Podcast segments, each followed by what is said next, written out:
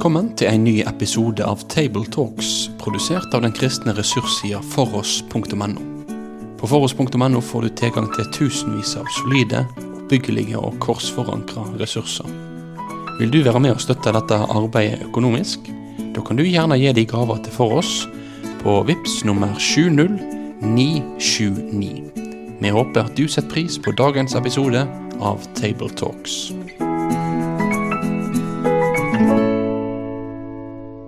Da er det en glede å ønske velkommen til denne Tabletalksen. Og mitt navn er Vegard Soltveit. Jeg er utdanna på NLA med master i kristendom, og så er master i historie. Og så har jeg jobba i litt ulike misjonsorganisasjoner, Indremisjonsforbundet og Israelsmisjonen, og akkurat nå så jobber jeg faktisk i Tine. Og jeg er med her, og så har vi òg med oss Espen Hetland, og jeg er konsulent for digital bibelbruk i Bibelselskapet. Og Jorunn Sjåstad, som har vært redaktør i Logos i mange år, men nå er pensjonist. Og det er vi tre som skal samtale om en litt vanskelig, kanskje, litt eh, underlig tekst fra Matteusevangeliet, kapittel 15 og vers 21 til og med 28. Og så er det jo to andre tekster òg denne søndagen, og vi kan jo kanskje si at Fellestema for alle de tre tekstene handler om en truskamp. For Det gamle testamentet så er det denne fortellinga fra første Mosebok 32, der vi leser om Jakobs kamp ved Jakobselva, der han kjemper med denne ukjente som viste seg å være guddommelig. Den kampen som ga navnet Israel fordi han hadde kjempa med Gud og mennesker og vunnet. Og Så vi teksten fra Jakobs brev kapittel 1, som oppmuntrer oss til å holde ut når trua blir prøvd. Og I evangelieteksten så møter vi ei kvinne som kjemper. Hun er pågående og djerv mot Jesus for å få hans hjelp. Og Det er egentlig som å si i sin truskamp Jeg slipper deg ikke uten at du velsigner meg. Og Kanskje vi kan si om disse tekstene òg at det nytter å kjempe med Jesus om hans velsignelse.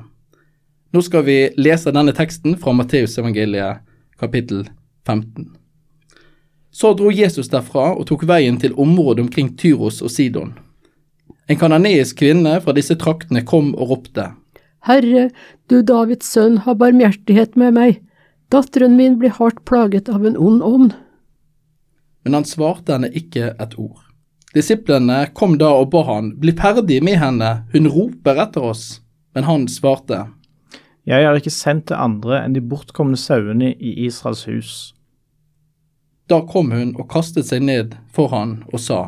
Herre, hjelp meg. Han svarte. Det er ikke rett å ta brød fra barna og gi det til hundene. Det er sant, herre, sa kvinnen. Men hundene spiser jo smulene som faller ned fra bordet hos eierne deres. Da sa Jesus til henne. Kvinne, din tro er stor, det skal bli som du vil. Og datteren ble frisk fra samme stund. Det var teksten. Har du noen umiddelbare tanker om den, så skal vi snakke litt rundt den òg, men eh, jeg, jeg, tenker jo at dette er en litt vanskelig tekst. Og, eh, og samtidig, da, for meg er det iallfall godt å ha en overskrift. Kanskje vi skal sette dette med truskamp. Det å kjempe. Og så tenker vi lever jo i en tid der det å kjempe og eh, kan være litt fremmed for oss, iallfall i truslivet. Jeg har tenkt litt kanskje litt barnslig av og til, men at av og til så føler jeg litt at jeg sjøl og kanskje andre at, vi tenker at Gud det er nesten som en brusautomat. Putter vi på ei bønn, så kommer det ut det vi har bedt om. Og, eh, men sånn er det jo ikke alltid i Bibelen. Vi møter jo en del klage, en del kamp, en del vanskeligheter. Og Det møter vi òg igjen i disse tekstene. Jeg vet ikke hva de tenker om det. Nei, altså I den, eh, de tekstene som er i Matteus, i Matteus 15 og tidligere, så ser vi da Jesus i nord, i Galilea, hvor han gjør veldig mange under og mirakler og tale. Eh, og vi ser jo veldig mange folk av israelsfolk som, som faktisk mottar Jesu velsignelser og helbredelser. Eh, så da kan det jo nesten virke som ei tid hvor velsignelsene kommer som en automat, kommer på løpende bånd. Eh, men her ble jo teksten innledet med at han beveger seg inn i et nytt område. Han beveger seg til Tyros og Sidon, som ikke er Israel, men som er eh, hedenske byer. Mm helt ut mot Middelhavet. da. Mm. Men samtidig så tenker jeg at det har ikke bare vært enkelt å være Jesus og disiplene i lag. Hvis vi leser det som kommer i kapitlene før, så ser vi at Jesus har blitt avvist på heimstaden sin. Eh, han har rett og både gått på vannet og metta 5000, eh, men han har òg vært i, i, konflikt med fariseerne og de skriftlærde. Mm. Eh, og ja, disiplene vet ikke helt hvor de skal takle alt det som kommer, tror jeg. Mm. Mm. Og det er vel kanskje det som vi hører når da disiplene roper til Jesus blir ferdig med, kanskje det er de er usikre og de er utålmodige. og Nå må vi komme oss videre til de viktige greiene. Nå må vi komme oss tilbake til jobben vår. Ja. Jeg tenker jo også at eh, Det det er inne på, er jo at rett før så kan jeg nesten si at det, det som har skjedd med Jesus i alle disse møtene og talene han har hatt, handler jo om renhet eh, og urenhet. Og Dette blir jo veldig sterkt i, i, denne konfrontasjonen, for akkurat som du sa, så går han til, til noen hedenske plasser, som gjerne er forbundet med hedningene og de som var utenfor og var nettopp urein i en jødisk forstand. Mm. Så den kanadiske kvinnen ble jo absolutt regna som urein. Hun var en ikke-jøde. Og, det, og, i tillegg så får vi den opplysningen at hun omtaler sin egen datter som ei som er fullt av ei ond ånd. Mm. Altså dobbel urenhet. Eh, så, så, så, dette kom altså inn. Eh, det som Jesus nettopp har snakket om, det ureine og, og reine, og så ender det jo med dette triumftoget. Det skal bli som du vil, din tro er stor. Og jeg tenker jo Det òg er jo noe av det som vi får ut av denne troskampen. Hva er stor tro? Så det kom vi litt inn på mot slutten, tror jeg. Men jeg tenker det ligger i det.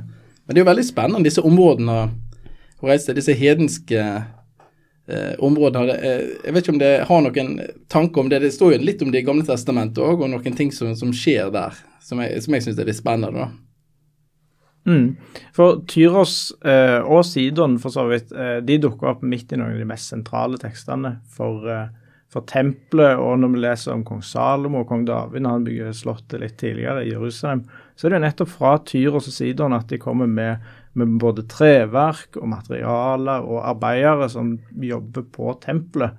Nettopp fra altså For et land da, som eh, er bygd opp rundt en sterk identitet som Guds folk, og som det eksklusive Guds folk, så kommer disse ressursene utenfra Eh, og vi må jo si at når vi jobber videre i Salomo-fortellingen, så er det jo ikke utelukkende positivt alt som kommer utenfra og inn til Israel.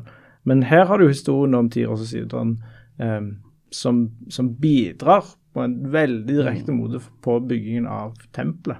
Og det er jo særlig av kong Hiram.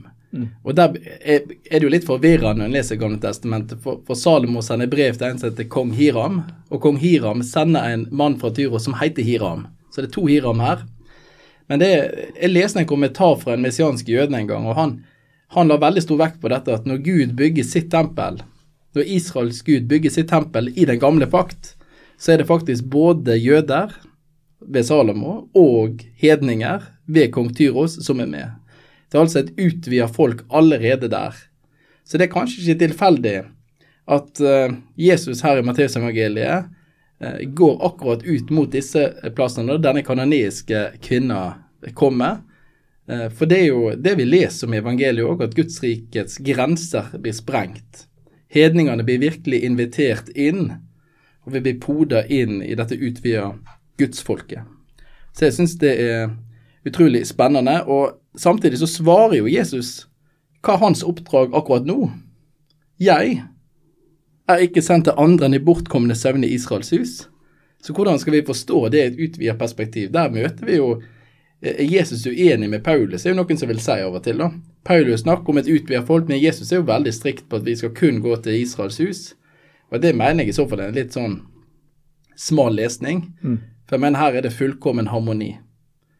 Ja, Jesus er Israels Messias, men så kommer det noen tekster litt seinere i kirkeåret som handler om denne gjeteren som òg sier at jeg er òg andre sauer, og nå skal vi bli én flokk. Mm. Så her er det et større bilde som tegnes ut med denne kanoniske kvinnen, og så er det noen flotte linjer til Det gamle testamentet og Tyros til de områdene som vi ser komme ut. Men det er litt uforståelig, tror jeg, for disiplene at han, at han svarer sånn som han gjør. Han svarer dem, men han svarer ikke hun, hun som roper. Og hvorfor gjør han ikke det? Er det at han vil overse, eller er det at han skal lære disiplene noe nytt? Ja, det er et godt spørsmål. Men det er jo egentlig tre tre ganger det skjer noe her. sant? Og så er det litt, jeg tenker også det er en liten utvikling i det. Første gang så er det jo kanskje den verste måten å bli svart på, taushet. Hun får ingen svar. Jesus svarte henne ikke ett ord fra vers 23. Og da tenker jeg jo kanskje, men, men i det helt siste så sier Jesus din tro er stor. Og hva er det som er stor tro med, med, det første, når Jesus ikke svarer et ord? Kanskje det å bli hos Jesus når alt ser håpløst ut, når det er taust, når det er mørkt så blir hun faktisk værende. Og den andre avvisningen hun får, så um, svarer jo Jesus avvisende, egentlig, da.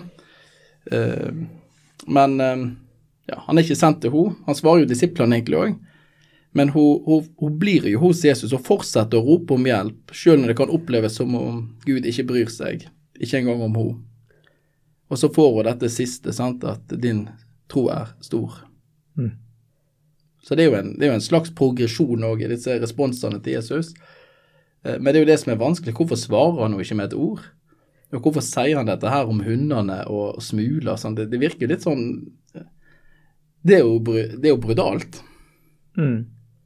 Men jeg lurer litt på, når han da sier dette med hundene um, Det må kanskje oppleves det som et overraskende svar for disiplene. Det er jo det ene alternativet. Eller så er det kanskje nettopp ikke et overraskende svar. Kanskje er det det som de er vant med fra religiøse ledere, fra, fra fariseere. Um, kanskje nettopp det er poenget, da. Den dynamikken der. Jeg tenker en ting til, og det er jo i disse lange linjene vi snakket om. Så er det jo akkurat som denne kvinnen går inn i denne Jakobskampen, hun da, men ikke som en jøde eller en israelitt, men som en hedning. Nå skal hun kjempe med Gud. Og det er akkurat som hun roper 'Jeg slipper deg ikke før du velsigner meg'. Jeg går ikke hjem før du har gjort noe. Så hun gir seg ikke. Eh, og det òg åpner jo perspektiv. Nå, nå er hedningenes kamp, hvis du kan si det sånn. Hun gir seg ikke, og så nytter det å kjempe om Guds velsignelse. Og i et evangelisk blikk så må vi jo si at uh, verken jøder eller hedninger har virkelig kjempa. Det er jo Gud som har blitt menneske. Det er jo Gud som går veien opp, og som kjemper for oss, som dør, og som overvinner døden for oss. Men både Jakobsteksten fra første Mosebok og den teksten fra Matteus, så kjemper jo disse to menneskene med Gud. De er i argumentasjon. Jakob er jo en fysisk kamp. så, og denne kvinnen er jo i en verbal og, og psykisk kamp, egentlig. Mm. Du spurte i stad om hva stor tro er. Og jeg tror nok det enkleste svaret er å se det som hun svarer når han har sagt at det er ikke rett å ta brødet fra barna og gi det til hundene. Og så sier hun det er sant, herre. Altså, hun innrømmer at Gud har rett. Men så legger hun jo til at hundene et smulene fra polet til eierne sine. Eh, men hovedinnstillinga hennes er at Gud har rett når han sier det han har sagt, så tenker jeg det tror jeg er det beste bildet her på hva stor tro er oss, å si det at ja, jeg vet jeg har ingen jeg har ingenting jeg kan, skal, skal ha sagt, jeg kan kreve ingenting i møte med Gud, men jeg gir han rett i det han sier. Mm. Og det tenker jeg kan være brutalt av og til å oppleve eh, i den nøden hun har. og så mø For det er jo tøft Hun kommer der, og det er sikkert koster mye å komme som kvinne, å komme opp mot denne eh, manneflokken da, og åpne seg helt. Og så bli møtt sånn, og så gir hun seg ikke. Og denne truskampen den kan jo av og til være litt tøff og, og vond. Og så leser vi ordet i Nytestamentet som Paulus skriver f.eks. at ja, vi, vi lever det triumf triumftog i Kristus-seieren, og samtidig er det, er det en kamp for han òg. Han har opplevd vonde ting i livet, og samtidig så kom det noe godt ut av det. Og Det kan vi òg ta med oss, det som ikke fra Jakobs fortellinger fra første Mosebok, men fra Jakobs brev, altså dette med å være utholdende i bønn. Og Det syns jeg òg er fint med denne her eh, sangen 'Det makt i de foldede hender', altså det er svar underveis. Eh, og det er noe med den tålmodigheten, eh, denne kampen, det er ikke alltid det lettvinte løsninger, at svaret kommer her og nå. Eh, men det er noe med å stole på det at Gud har rett, som du sier, Jorunn. Gud, å gi Gud rett. Og samtidig òg være tydelig med hverandre på at det, det er ikke alltid det er så lett. Mm. Det, det, det, kan vi, her går det jo fort med hun kvinner, da. Det tar jo ikke sikkert langt i denne samtalen. Men i, men i livet vårt så kan det jo ta årevis. Det kan være taust, det kan være stille. Og samtidig da gi Gud rett. Vi har jo en veldig god historie med jobb der, da. Det tok jo lang tid. Mm. Den salmen som uh, godeste uh, Hans Nilsen Hauge gikk og sang på, på åkeren da han fikk det spesielle møtet sett med Gud, det er jo en salme som har nettopp en av versene tilegna denne kvinna. For han sier at eh, jeg vil med kvinnen fra Kanaans egne rope deg etter og bliver ei still, før du på bønnen til slutning må tegne amen, ja, amen, deg skje som du vil. Eh, det ropet som kvinner har, det, det, er jo ikke bare kvinners rop, det er jo alle folks rop etter Gud, og at han kan få lov til å hjelpe oss, siden vi er totalt avhengig av han. Denne jenta som ble frisk, hører vi jo ingenting om. Vi hører om mor. Og den bønnekampen som mor her gjennomfører, den tror jeg er ganske lett gjenkjennelig for veldig mange, enten de er mødre eller fedre. Så det har ikke gått, fortellinga har ikke gått ut på dato, sånn sett. Nei, virkelig ikke.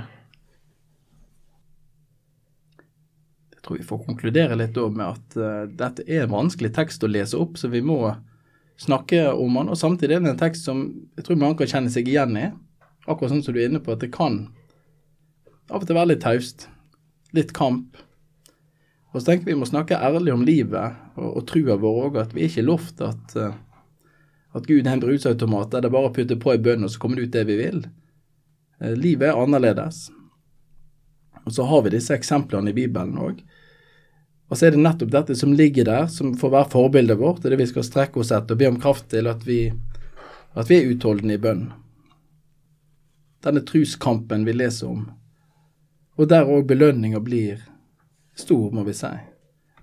Når Jesus konkluderer 'Kvinne, din tro er stor. Det skal bli som du vil', og datteren ble frisk fra samme stund. Så er det noen løfter der ikke med det sagt at alle får bare de utholdende at alt går i oppfyllelse, for da er vi tilbake til brusautomaten. Men det ligger noe her. Den kanoniske kvinnen. Så det var fint du tok med det verset, syns det, Jorunn, fra, fra salmen. Jesus, din søte forening, og og smake, ikke den heter? Så får vi sagt det òg. Ja. Mm. Og Den går jo an å synge på gudstjeneste eller møte, eller hvor du skal preike om denne teksten. Det er da den gamle tyske presten Johan Ludvig Konrad Allendorf som har skrevet det i 1712. Og så er ordene fremdeles aktuelle. Da tror jeg vi sier lykke til, og Guds velsignelse til deg som skal preike over denne teksten.